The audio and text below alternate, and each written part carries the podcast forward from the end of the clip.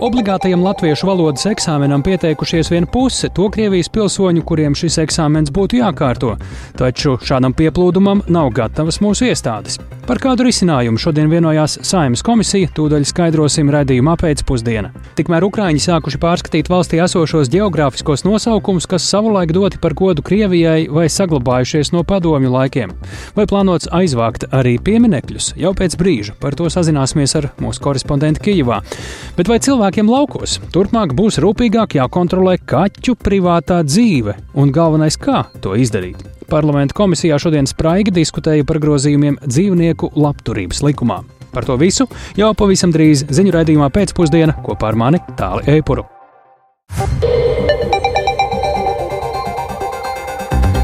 16,5 minūtes skan Latvijas radio viens ziņu programma pēcpusdienā, skaidrojot šodien svarīgus notikumus studijā Tāls Eipurs. Sabiedrisko mediju apvienošanai nebūs steidzamības statusa. Tā vienojušies procesu pāraugošās saimas cilvēktiesību un sabiedrisko lietu komisijas deputāti. Viņi piekrituši Latvijas radio darbinieku vēstulē paustajiem argumentiem, ka par sabiedrisko mediju apvienošanu var lemt vien pēc finansējuma modeļa izstrādes. Turpmākie lēmumi gan par apvienotā mediju finansējumu, gan pašu apvienošanu gaidāmi māja beigās vai jūnijā. Vairāk Jāņa Kīņča sagatavotajā ierakstā. Grozījumi sabiedrisko elektronisko plašsaziņas līdzekļu un to pārvaldības likumā noteiks tiesisko pamatu Latvijas radio un Latvijas televīzijas apvienošanai. Tomēr likuma grozījuma virzība uz brīdi būs apturēta. Vairāk nekā 200 Latvijas radio darbinieku parakstītā publiskā vēstulē norādīts, ka nav pamatojama likuma grozījuma steidzamība, kā arī trūka pamatojuma sabiedrisko mediju apvienošanai. Par to komisijas sēdē izteicās Latvijas radio darbinieku pārstāve producente Evija Unāma un Latvijas radio valdes priekšsēdētāja Una Klapkalne uzsvers. Mēs neatsakāmies no pārmaiņām. Laikmets mainās. Mēdīņu patēriņš arī mainās, bet ir būtiski ievērot atklātību, skaidrību šajā visā procesā. Latvijas radio darbinieki ir piekrituši šim procesam, tad, ja vienlaikus tiek virzītas gan uh, apvienošanās koncepcija, gan finansēšanas modelis. Brīdī, kad šīs koncepcijas tiek viena no otras atrautas, sākotnēji virzam apvienošanu un turpinam strādāt pie finansēšanas modeļa un domāt, un rezultāts nav prognozējams, tai brīdī faktiski šī struktūra izjūga. Saglabājas nepieciešamība sabiedrisko mediju apvienošanu skaidrot tajos strādājošajiem. Sabiedrisko elektronisko un plašsaziņas līdzekļu padomus vadītājs Jānis Siksnis apņēmās turpināt skaidrojumus, bet vienlaikus uzsvēra, ka pirms gada tapušajā koncepcijā ieguvumi jau ir izskaidroti. Tieši digitālā satura attīstība ir tā, kas šajā struktūrā nevar attīstīties. Šeit jebkura kaut kāda būtiskāka atšķirība rada ļoti liels problēmas, ir jāslēdz savstarpējas vienošanās līgumi. Tā ir fundamentāla problēma, gribētu teikt. Ieguvums darbiniekiem, tas un jau īpaši radio darbiniekiem, ka nokļūstot lielā uzņēmumā, ir iespēja pretendēt uz, uz lielāku atalgojumu, uz labāku nodrošinājumu visādos veidos. Deputāti no jaunās vienotības frakcijas atgādināja, ka steidzamība bija plānota tikai sabiedrisko mediju apvienošanas procesa sākšanai. Taču tad kultūras ministrija paredzēja sabiedriskajos medijos pēc dažiem gadiem atteikties no satura Krievu valodā, un vēl papildu ierobežojumus rosināja arī vairāk Nacionālās apvienības deputāti. Pēc jaunās vienotības pārstāvja Gata Liepiņa teiktā, tas bija mēģinājums sabotēt sabotēt likumprojektu. Pret šo vērtējumu iebilda kultūras ministrijas parlamentārais sekretārs Ritvars Jansons. Iepriekš jūs nevarējāt laikus iesniegt tehniskos grozījumus. Nu, bija tā, ka pēdējā brīdī mēs saņēmām. Ja? Nu, kultūras ministrijas rīcības vērtēja kā necieņu gan pret mums koalīcijas partneriem, ja? gan pret komisiju un arī visu iesaistīto pušu darbu. Un arī tā ir necieņa pret savu pāraugāmo nozari. Kultūras ministrija bija gatava atsaukt savu priekšlikumu tikai tāpēc, lai tehniskais process ritētu uz priekšu. Tā kā lūdzu nevainot uh, kultūras ministriju, kad mēs kaut ko taisamies sabotēt. Sēdes noslēgumā komisija vienojās atcelt steidzamību likumprojektu skatīšanai, tādējādi to vērtēs arī trešajā lasījumā. Atbilstoši saimnes juridiskā biroja rosinājumam, likumprojektu par sabiedrisko mediju apvienošanu saima varētu turpināt skatīt jūnijā, pēc tam, kad būs izvērtēts un sagatavots apvienotā sabiedriskā mediju finansējuma modelis. Līdz ar to paredzams, ka Latvijas radio un Latvijas televīzijas apvienošanas procesu pārcels no nākamā gada janvāra līdz vismaz aprīlim. Jānis Kincis, Latvijas radio. Bet, lai Latvijā vienvieta apkopotu informāciju par mediju pratību, radīta vienota mediju pratības platforma. Tā kalpos kā zināšanu krātuve un informācijas datu bāze, kā arī kā saziņas platforma mediju pratības jomā. Datubāzes veidošanā iesaistīti vairāk desmit dalībnieku, valsts iestādes, nevalstiskās organizācijas, akadēmiskās institūcijas eksperti, un platformas datubāzē arī tiks pastāvīgi papildināti. Pie mūsu klausulas Nacionālās elektronisko plašsaziņas līdzekļu padomas priekšsērētāja vietniece Aurēlija Ieva Druvieta. Labdien! Labdien! Kādas ir tās vajadzības un iemesli, caur kuriem ir nonākts pie šādas platformas un datubāzes tieši par medīpratību? Jāsaka, ka medīpratība, lai arī tā ir ļoti, ļoti daudzveidīga, iekļaujot ļoti daudzveidīgas kompetences, šajā it sevišķi informatīvā kara laikā ir jo īpaši būtiska, būtiska, teiksim, kompetence un būtiska loma mums Latvijā. Un medīpratība ir viens no, viens no tādiem arī risinājumiem, viens no veidiem, kā mēs varam stiprināt Latvijas valsts aizsardzību, stiprināt mūsu demokrātiju. Bet tā, es gribētu teikt, ir tikai viena šķautne. Tas, kāpēc tika izveidot šāda datu bāze, ir, ka Latvijā ir ārkārtīgi daudz um, organizāciju institūciju, kas strādā medīpratības jomā, bet bet īstenot dažādu veidu projektus īstermiņā. Un tas, ko mēs konstatējām, ka ir, ir lekcijas, ir semināri, pētījumi, grāmatas, ieraksti, dažādi metodiskie materiāli līdz pat, pat kampaņām, uh, sociālajām un informatīvajām, bet uh, šie materiāli pēc laika viņiem ir iespēja, ka viņi pazūd vai viņus ir grūti atrast.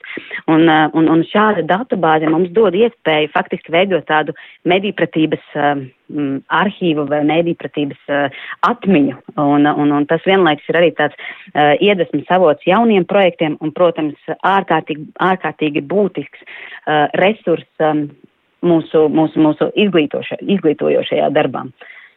Jā, Kad, tad, kad un kā tad šī platforma būs izmantojama, kādiem nolūkiem un uh, ar kādu satura piedāvājumu, kas tur būs ietverts īsti, jo var ļoti dažādi saprast platformu? Jā.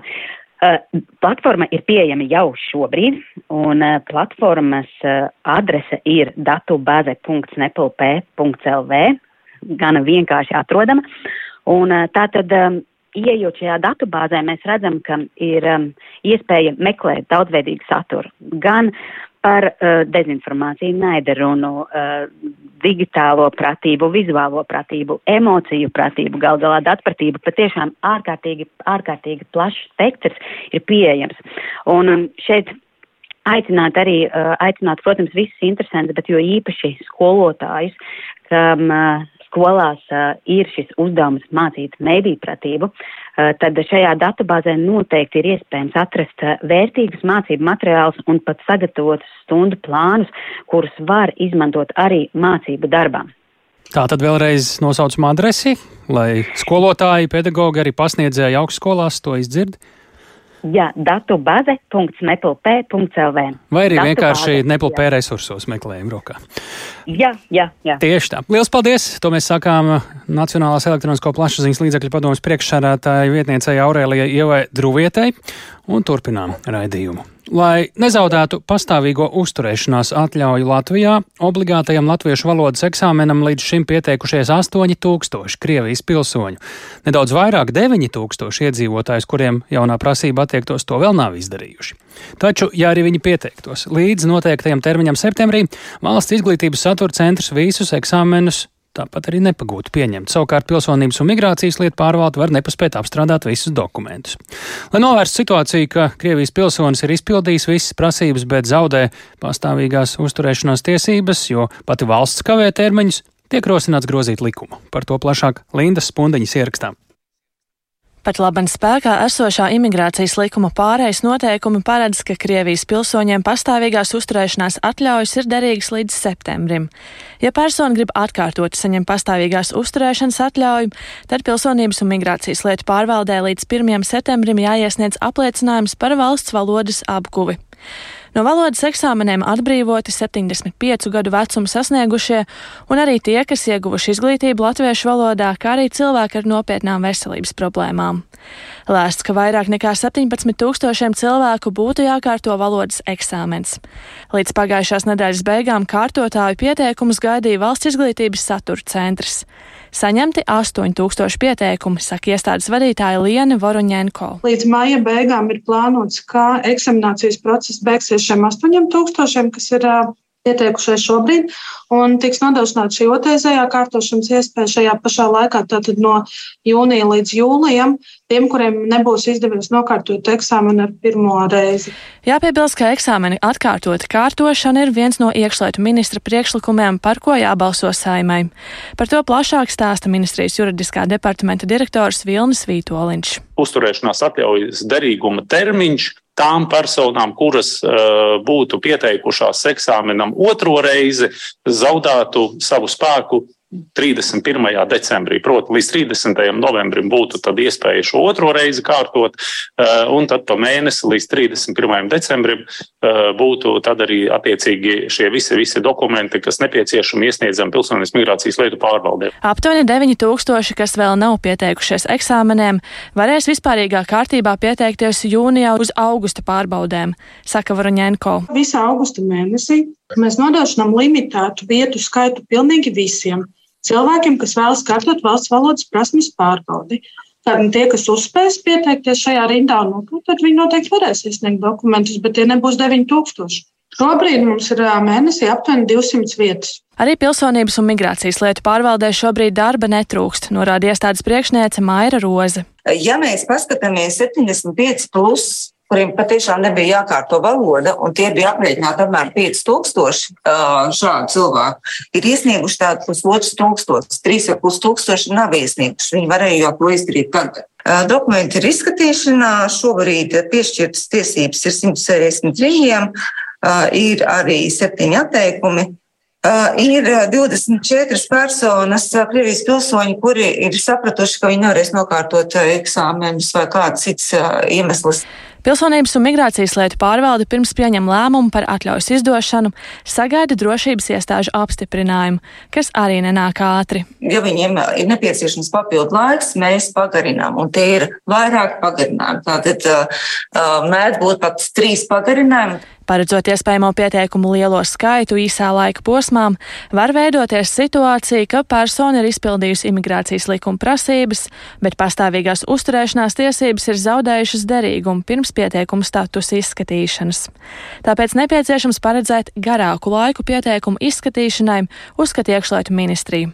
Turpina Vītoliņš. Noteikti šīm iesniegumu izskatīšanai vienu gadu pilsonības migrācijas lietu pārvaldē. Saprotams, ka uh, arī var rasties dažādi strīdi, un tā iemesla dēļ vecās uzturēšanās atļaujas derīgums eh, arī strīdus laikā būtu saglabājums. Jāpiebilst, ka par jaunajām prasībām satversmes tiesa ierosinājusi jau četras lietas. Linda Spundiņa, Latvijas radio. Par cīņu ar Krievijas ilgu gadu politikas sakām turpinājumā stāsts no Ukrainas. Kamēr Ukrainas austrumos turpinās sīvas cīņas ar iebrucēju. Ukrainas parlamentā tiek virzīts likumprojekts, kas ļautu un arī liktu Ukrainas pašvaldībām pārskatīt tajās esošos geogrāfiskos noteikumus, nu, nosaukumus, kas savulaik doti par godu Krievijai vai saglabājušies vēl no padomju vai pat cara laikiem un slavina to varoņus. Lai pastāstītu par to vairāk, esam sazinājušies ar Latvijas radio korespondentu Ukrainā Indru Sprānci. Sveiki, Indra! Ko tad paredz šis likumprojekts? Labdien! Jā, šobrīd uh, ir izstrādāts šis likumprojekts un pirmajā lasījumā arī atbalstīts, ko devē par dekolonizācijas likumprojektu. Un, un kā vakar preses konferencē skaidroja viens no šī likumprojekta autoriem, Ukrainas augstākās redzes Nacionālās drošības aizsardzības un izlūkošanas komisijas loceklis Fedīrs Benislavskis, likums dos juridisku pamatu visām vietējām pašvaldībām veikt ar Krieviju tās cilvēkiem saistīto geogrāfisko apzīmējumu revīziju. Paklausīsimies mazu fragmentiņu no Benislavska skaidrotā preses konferencē. Також на сьогоднішній день Незважаючи на вже рік повномасштабної агресії, агресивної Lai gan jau ir apritējis gads kopš vispārējā iebrukuma, kura rezultātā gājuši bojā desmitiem tūkstoši cilvēku, mums joprojām ir Maskavas apgabali, Maskavas prospekti, Sverdlovskas, Saratovas, Ķumeņas un tā tālāk. Mūsu vietvārdos ir ļoti daudz nosaukumu, kuri slavē vai demonstrē ciešās saites starp Ukrainu un Krievijas federāciju. Krievija vēl kopš cara laikiem, vēlāk jau pašreizējā Krievijas impērija, ir darījusi visu, lai pierādītu, ka mums nav tiesības uz savu valsti un tautību. Tāpēc mums ir sagatavots likums, kas paredz visām vietvarām veikt revīziju par visiem nosaukumiem, kas ir saistīti ar Krievijas federāciju, un veikt izmaiņas.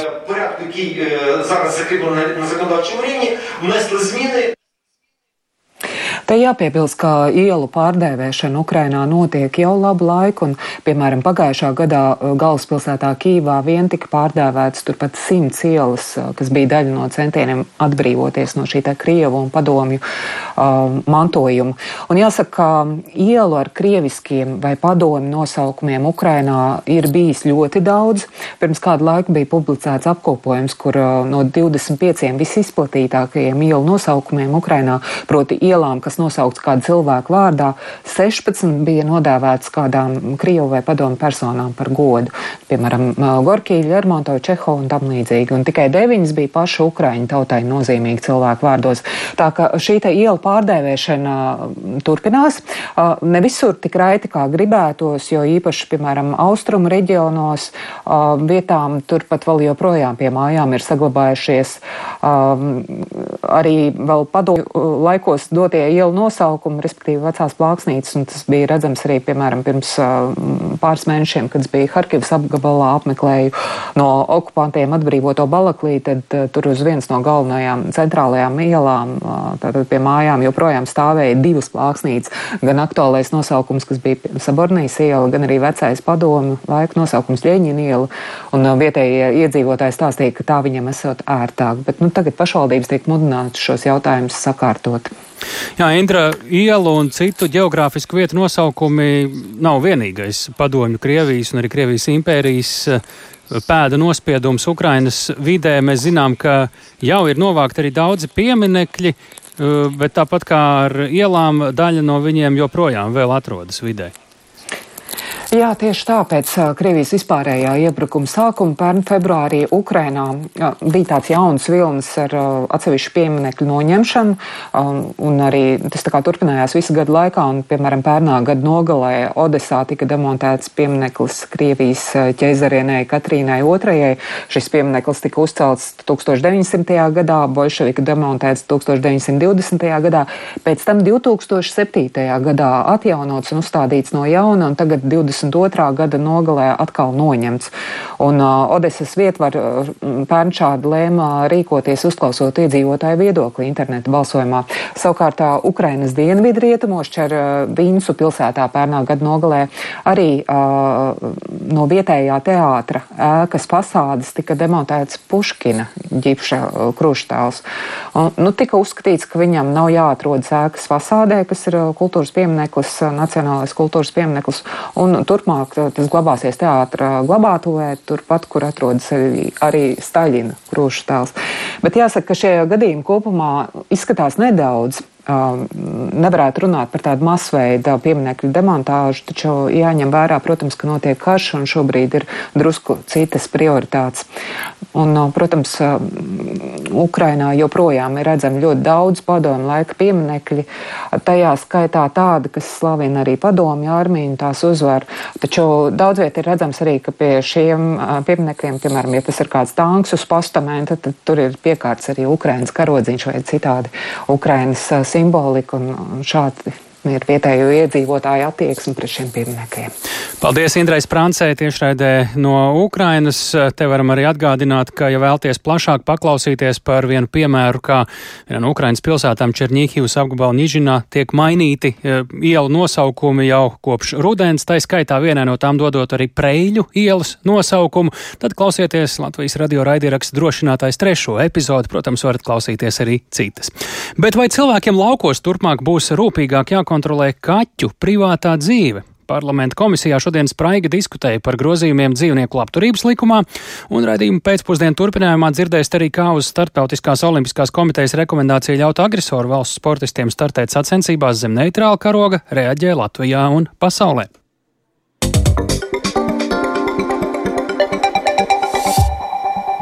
Protestu pārņemtajā Francijā arotbiedrības uzstāja, ka dialogs ar valdību un prezidentu ir iespējams tikai tad, kad tiks atcelta ļoti pretrunīgi vērtētā pensiju reforma. Tāpat viņi vēlas, lai tiktu iecelts mediators, kas palīdzētu rast risinājumu konfliktam. Tomēr valdība atsakās to darīt un saka, ka pensiju reforma jau ir apstiprināta, tādēļ te vairs nav par ko runāt, un diskusijas tāpēc ir iespējams tikai par citiem nodarbinātības un sociālās sistēmas aspektiem. Parīzē notikumiem turpina sekot mūsu korespondents Arķoms Konohaus. Ar viņu tagad esam sazinājušies tiešraidē. Labdien, Arķom! Kādēļ dialogs starp arotbiedrībām un valdību faktiski neveidojas vispār. Jā, labdien, tālu, labdien, klausītāji. Varētu teikt, jā, ka ar dialogu galīgi nesokas šobrīd, jo tas arī atšķir Makrona, Francijas prezidenta Emanuela Makrona vadības stilu. Šoreiz, šeit, atšķirībā no citiem prezidentiem, kas ir mēģinājuši darīt ko līdzīgu, ka viņš gandrīz pilnībā atsakās runāt un sarunāties un kaut kādā veidā diskutēt par dažādiem reformas aspektiem. Daļai sakot, ka tas ir bijis viņa priekšvēlēšanu um, solījums veikt šādu reformu, līdz ar to tas nav nekāds pārsteigums, ka viņi viņš šobrīd eh, kaut ko tādu veic. Un, protams, arotbiedrības eh, no savas puses eh, ir saneknotas un ir diezgan neparasti, ka visas Francijas arotbiedrības atbalsta, um, atbalsta protesta akcijas un iebilst pret šo reformu. Parasti ir tādas konstruktīvāk noskaņotās, mērenākās arotbiedrības, ir gatavas uh, dialogam, bet šoreiz tiešām visas arotbiedrības ir pret šo pensionēšanās reformu un arī kritizē stilu, uh, kā valdība un prezidents rīkojās. Un paklausīsimies, ko vakara protestu laikā ir teikusi vispārējās darba konfederācijas vadības pārstāve Marija Brusona.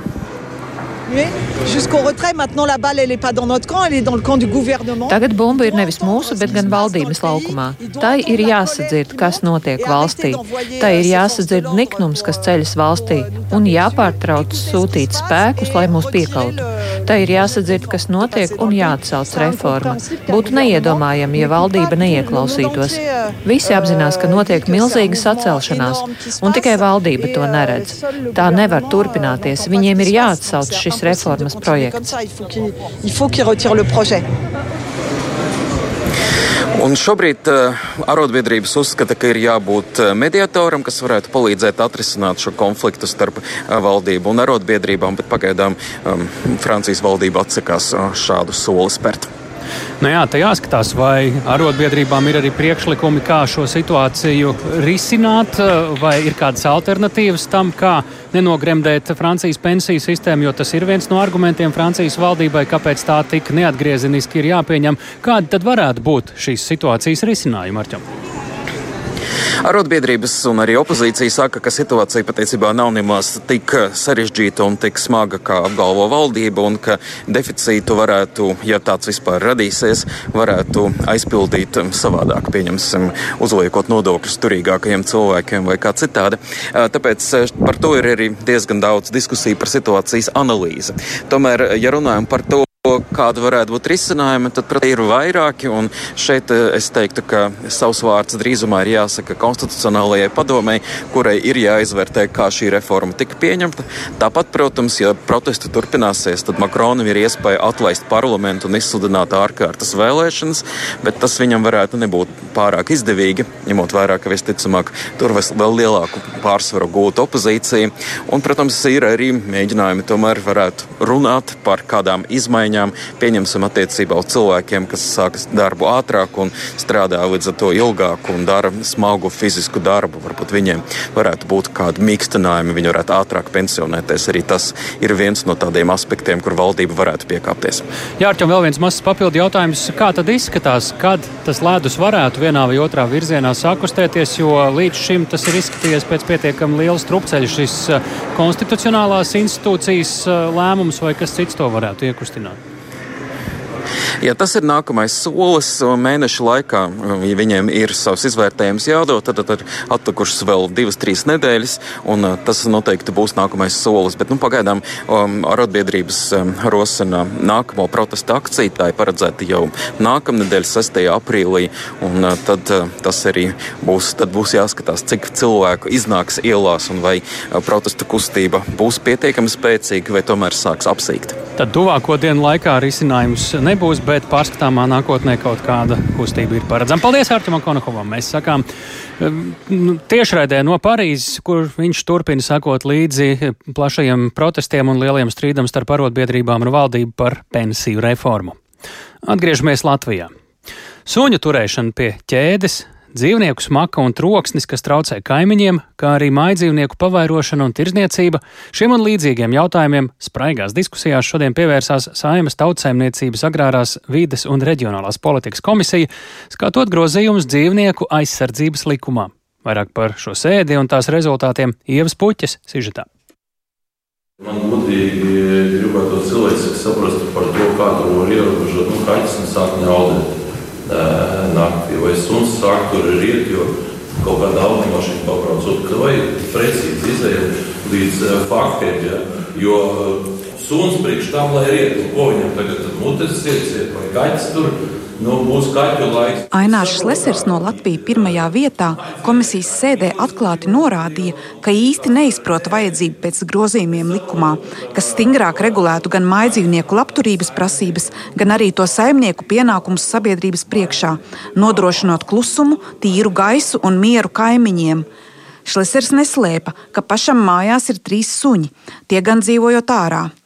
Gandrīz katram deputātam ir kāds mājdzīvnieks, tāpēc diskusijas bija spraigas. Piemēram, Andris Kulbergs no apvienotā saraksta nesen sludinājumu portālos meklējis šķirnes kaķi un secina, šajā sfērā valda ēnu ekonomika. Šādu un līdzīgu problēmu dēļ tapis likumprojekts grozījumi dzīvnieku aizsardzības likumā, par ko atbild Zemkopības ministrija. Arī tās pārstāvi piedalījās sēdē runā valsts sekretārs Raivis Kronbergs. Pienākumu dzīvnieku īpašniekiem aizsardzības jomā tātad tā pie pavairošanas dzīvniekus drīkstēs pavairot nekaitējot tā veselībai, atbilstoši tā etnoloģijai un tādā vecumā, kad tas ir sasniedzis vesels dzimumu gatavību. Nedrīkstēs izmantot slimus ar iedzimtām patoloģijām, fizioloģiski un ģenētiski nesadarīgus mājas dzīvniekus un sieviešu kārtas sunim, kaķim un maidzīvniekiem gada laikā nedrīkst būt vairāk kā viens mazuļu metiens. Ne tikai šī, bet arī citas likumprojekta daļas, kas jau iepriekš bija atsūtītas izskatīšanai deputātiem, izraisīja arvien asākas diskusijas. Vai arī cilvēkiem laukos turpmāk būs rūpīgāk jākontrolē kaķu privātā dzīve, un galvenais, kā to izdarīt? Kas organizēs likumā paredzētās apmācības tiem, kas dzīvniekus pavairo komerciālos nolūkos. Vai vispār vērts ieviest jaunas likuma prasības, ja atbildīgajai instancei, pārtiks un veterināriem dienestam nav kapacitātes, lai sadarbībā ar policiju pārbaudītu to ievērošanu? Uz milzīgām problēmām dzīvnieku labturībā norādīja patvērsmes ķepu ķepā pārstāve Gundaga Bidere. Pirms sēdes viņa portālā SS.com saskaitījusi 64 sludinājumus, kur pārkāpti jau šobrīd spēkā esošie normatīvi par pārdodamo kucēnu vecumu un vakcināciju. Viņas patversmē sasniegts pamesto suņu maksimums - 111. Dzīvnieki uz vietu jau gaida rindā. Savukārt organizācija Animal Rights Association, kuras pārstāvja Jeļena Rubņanceva arī piedalījās sēdē, savākusi 11,000 parakstu pret suņu turēšanu ķēdē, kas daudzās Eiropas valstīs jau aizliegta. Kā alternatīvu organizācija piedāvā tā dēvētās gaisa troses, taču iebilst pret suņu izmantošanu komercobjektu apsargāšanā. Tikmēr Latvijas Kamanu suņu federācija lūdz neliegt suņus piesaistīt sacensību norises vietās. Klētesošie bija tomēr vienisprātis, ka dzīvnieku aizsardzības likums ir novecojis un grozījumi ir absolūti nepieciešami, taču tie vēl nav pienācīgi sagatavoti. Te Latvijas Kinoloģiskās federācijas prezidents Vijas Klučniecis teiktais. Zemkopības ministrija strādā ļoti atbildīgi, un mēs kā organizācija esam ļoti pateicīgi, ka viņi strādā, bet eh, šie jautājumi netika izrunāti līdz galam un tāpēc mēs uzskatām, ka minētie grozījumi nav gatavi. Piemēram, tur ir tāds termins dzirdināšana. Nu, piedodiet, cienījamie deputāti, droši vien kaut kāda saskara jums ir ar mājas istabas dzīvniekiem, kas dzīvo jums blakus kā ģimenes locekļi. Nu, kā te jūs īpaši dzirdinat šos mājas dzīvniekus? Ja? Komisija nolēma likumprojektu virzīt tālāk un atkārtoti to skatīt pēc mēneša, bet tikmēr uzlika par pienākumu zemkopības ministrijai to rūpīgāk izstrādāt, apkopojot ekspertu viedokļus. Turpmāk kontrolē par dzīvnieku aizsardzības likuma ievērošanu paredzēts iesaistīt arī dabas aizsardzības pārvaldi, kas iepriekš ar to nenodarbojās. Ieva Puķa, Latvijas radio. Par sakārtotu vidi, kurā dzīvojam, savā ziņā arī turpinām. No stilīga apģērba līdz tekstila atkritumiem ir tikai viens solis. Ar tādu atgādinājumu šodien atklāta kampaņa Stils tekstils. Tās mērķis ir veicināt tekstila atkritumu šķirošanu Latvijā un arī mazināt šādu atkritumu apjomu. Vienlaikus Rīgas centrā ir atklāta arī vides instalācija ar nosaukumu Stila aleja. Tā rāda, cik dabai nedraudzīgs var kļūt stils pēc tam, kad tas ir pārvērties tekstila atkritumos. Kā tad Latvijai sokas ar tekstilu atkritumu šķirošanu, kādi uzlabojumi jāveic un ko iesākt ar tekstilu, ko nevar nodot pat konteineros? Plašāk Agnijas Lāsdiņas ierakstā. Eiropas Savienībā tekstila šķirošana būs obligāta no 2025. gada, savukārt Latvijā to ievieš jau no šī gada. Šobrīd Latvijā iedzīvotājiem ir pieejamas aptuveni 200 speciālās tekstila šķirošanas vietas. Tomēr tekstila atkrituma apsaimniekošanas problēma Latvijā ir aktuāla. Vismaz reizi trijos mēnešos vairāk nekā 50% iedzīvotāji iegādājas jaunu apģērbu, taču tikai trešdaļa nolietoto apģērbu nodod tekstila savākšanas konteineros. Tā liecina aptaujas dati. Lielākoties nevajadzīgo tekstilu cilvēki turpina izmantot saimniecībā, ziedo labdarībai vai arī atdot tuviniekiem, taču to arī izmet sadzīves atkritumu konteineros. Kā stāsta Latvijas zaļā punkta direktors Kaspars Zakulis, cilvēki ir gatavi šķirot tekstilu un to dara arvien aktīvāk, taču līdz 2025. gadam vēl ir vairāki soļi, kas jāīsteno, lai nodrošinātu pilnvērtīgu sistēmu. Tas, kas mums pietrūkst, ir pieņemts normatīvais regulējums, kad šī sistēma ir jāievieš un tas ir obligāti jāizdara un uzrakstīt kārtību, cik konteineri, kurās vietās tam ir jābūt. Nu, negluži cik tas maksās, bet kam jāiesaistās šajā sistēmā. Vai tiem, kas ražo apģērbus, vai tiem, kas pārdod, vai tiem, kas ieved apģērbus, nu, tad, respektīvi, normatīvais regulējums. Tad nākošais, protams, ir masveidīgi iedzīvotāju informēšana par to, kur tad šie konteineri ir un ko tajos konteineros likt iekšā. Tekstila konteineros drīkst mest tīru apģērbu, apavus tirgus mājas tekstilu kā aizskarus segas palagus, taču nedrīkst mest netīru ar sadzīves ķīmiju notraipītu mitru, pelējošu saplēstu vai arī apģērba atgriezumus. Bet ko iesākt ar tekstilu, ko konteineros nedrīkst mest? Kā stāsta biedrības zaļā brīvība ilgspējīgas modes eksperta Dāca Akula, no 2025. gada Eiropas Savienībā būs jāvāc viss tekstils, tostarp caurs vai saplēsts, tomēr tīrs. Pašlaik gan ir jācenšas samazināt apjomi, proti jāpērk mazāk un jādomā, kā ilgspējīgāk izmantot jau esošo tekstilu.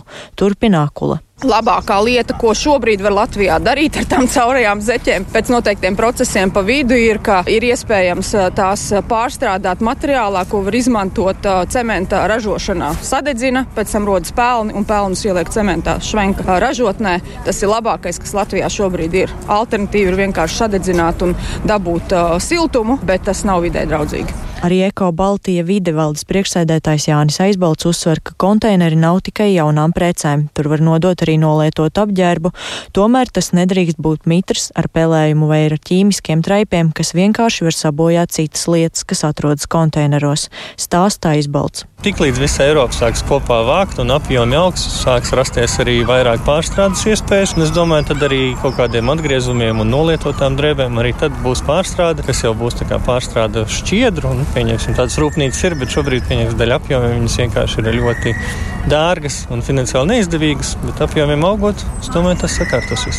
Ik gadu pasaulē saražo aptuveni 100 miljardus tonu apģērba. 92 miljoni tonu no tiem nonāk atkritumu poligonos.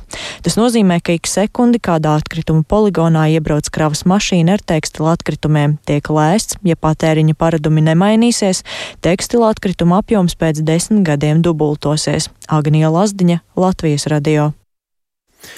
Startautiskās olimpiskās komitejas rekomendācija Pasaules sporta federācijām mēģināt rast iespēju agresoru valstu Krievijas un Baltkrievijas sportistu atgriešanai sacensībās zem neitrāla karoga izsaukus ļoti dažādas reakcijas. Liela daļa Eiropas valstu šādu pozīciju nosodījušas, bet citur pasaulē aina nav tik viennozīmīga. Līdzīgi ir arī sporta veidu federācijās. Dažas jau agrāk izlēmušas, ka Krieviem un Baltkrieviem durvis būs slēgtas, bet eh, citas par to nopietni domā. Kolēģis Mārtiņš Kļavinieks ir apkopojis informāciju no Latvijas sporta veidu federācijām, lai saprastu, kāda tad veidojas kopaina. Mārtiņ saka, kāda nostāja valda Latvijas federācija tajās starptautiskajās virsorganizācijās, proti starptautiskajās federācijās. Sveiks! Jā, sveiks, tāls, sveicināti klausītāji. Jāsaka tā, ka nu, šīs dienas laikā aptaujāju eh, vairākas Latvijas federācijas, proti, Vieglatlētikas savienību, Judo federāciju, Jātnieku, eh, Peldēšanas, Modernās pieciņas, arī Paukošanas federāciju. Nu, un mm, skaidrs bija jau par paukotājiem, eh, ko viņi varētu teikt, jo viņu lielā federācija jau pirms apmēram pusotras nedēļas jau nolēma savā kongresā, turklāt ārkārtas kongresā, ka Krieviem un Baltkrieviem atļaus startēt. Latvieši par to ir sašutuši, iesnieguši arī protestu vēstuli kopā ar Ziemeļvalstu federāciju. Tā kā tur apmēram tā situācija skaidra. Nu, pārējās aptaujātajās federācijās dažādas situācijas. Piemēram, Latvijas Vieglplēcikas savienība bija tā, kur pirmā pateica, ka nē, nekādā gadījumā. Gan mēs esam pret, gan arī lielā organizācija ir pret, tur nekas īsti nevar mainīties. Nu, piemēram, Judo federācija gan bija pavisam um, citāda retorika šajā skaidrojumā. Nu, protams, ka latvieši joprojām ir pret to, bet lielā federācija gan sliecoties pavisam citā virzienā, proti, atļaut krieviem un baltkrieviem startēt. Nu, jātniekiem tur um, arī esot tāda diezgan stingra nostāja, ka krieviem nē, bet uh, tur jau daudz krievu mainot pilsonības un arī esot jau tikuši pie um, citu valstu pasēm, tāpēc varbūt caur šādu um, atveri kādās durtiņās vai logā varētu iekļūt uh, Parīzes Olimpiskajās spēlēs. Jā, bet uh, nu, kopumā tad mm, es um, aprunājos ar Latvijas Vieglklēdīgas Savienības ģenerālsekretāru Dmitriju Miļkeviču, arī Latvijas Džudo federācijas ģenerālsekretāru Raivu Čakstiņu, Latvijas Jātnieku federācijas ģenerālsekretāri Kristīnu Lisovsku, Latvijas Peldēšanas federācijas vadītāju Aivaru Platono un Latvijas modernās pieciņas federācijas vadītāju Jānu Liepiņu. Un tagad mēs varam ieklausīties tajās spilgtākajās epizodēs no katra no viņu teiktā. Atletiks ir sniegus savus, kā valde, izskatīšot Baltiju un Krievu dalību starptautiskajās sacensībās, un viņi nevar piedalīties joprojām. Viņi nevar kvalificēties Olimpiskajām spēlēm. Tur viss ir pateikts. Nu, Starptautiskā judo federācija, viņa, viņai virziens ir tāds, ka viņa grib atļaut piedalīties zem neitrālā karoga Krievijas un Baltkrievijas sportistiem. Nu, mēs kā Latvijas judo federācija atbalstam tomēr mūsu valsts pieņemtos lēmumus. Man nav tāda ziņa, man ir ziņas no jāšanas puses tīri, kas ir no sportistiem, kad ir sportisti, kas ir paspējuši varbūt uh, nomainīt pilsonību, jā, līdz olimpiādei. Spiedienu noteikti, ka var izdarīt, es pat pieļauju, ka viņš varētu būt uh, samērā, kā teiks, no savu puses, uh, nu, tā, nu, neviegli, bet, nu, īstenojams, jā, jo tomēr starptautiskās federācijas jau saņem lielu daļu finansējuma no starptautiskās komitejas. Mūsu sporta veidā 99% ir no tie saucamie militāristi visi. Krievu, Baltkrievu ir 99%, viņi visi ir armijā. Jā, nu tālāk, tātad um, šo te federāciju vadītāju, tad pēdējais Jānis Liepiņš, Latvijas modernās piecīņas vadītājs, tad, nu, tīri fiziski visticamāk, nu, ja pat atļaut lielā federācija Krieviem, Baltkrieviem startēt, viņi ir armijas sastāvā, tā kā diez vai viņi sacensībās piedalītos un kvalificētos kādām, piemēram, olimpiskajām spēlēm savukārt peldēšanā, jā, tur jau Vaivars Platonovs sacīja, ka tur var būt visādi un, un dažādi ceļi var būt un dažādi scenāriji šajā jautājumā. Tas nozīmē, ja kāda no šīm starptautiskajām federācijām ir atzinusi agresoru valstu sportistu piedalīšanos, tad faktiski tas liedz Latvijas sportistiem šo sporta veidu kvalificēties Olimpiskajām spēlēm. Nu jā, vai jāmeklē kādas īpašas sacensības, kurās Krievija un Baltkrievija nepiedalās. Jo, kā zināms, Latvijas nostāja ir stingra. Latvijas sportisti nepiedalās sacensībās plecu pie pleca ar Krievijas vai Baltkrievijas pārstāvjiem, lai zem kāda karoga arī tie startētu.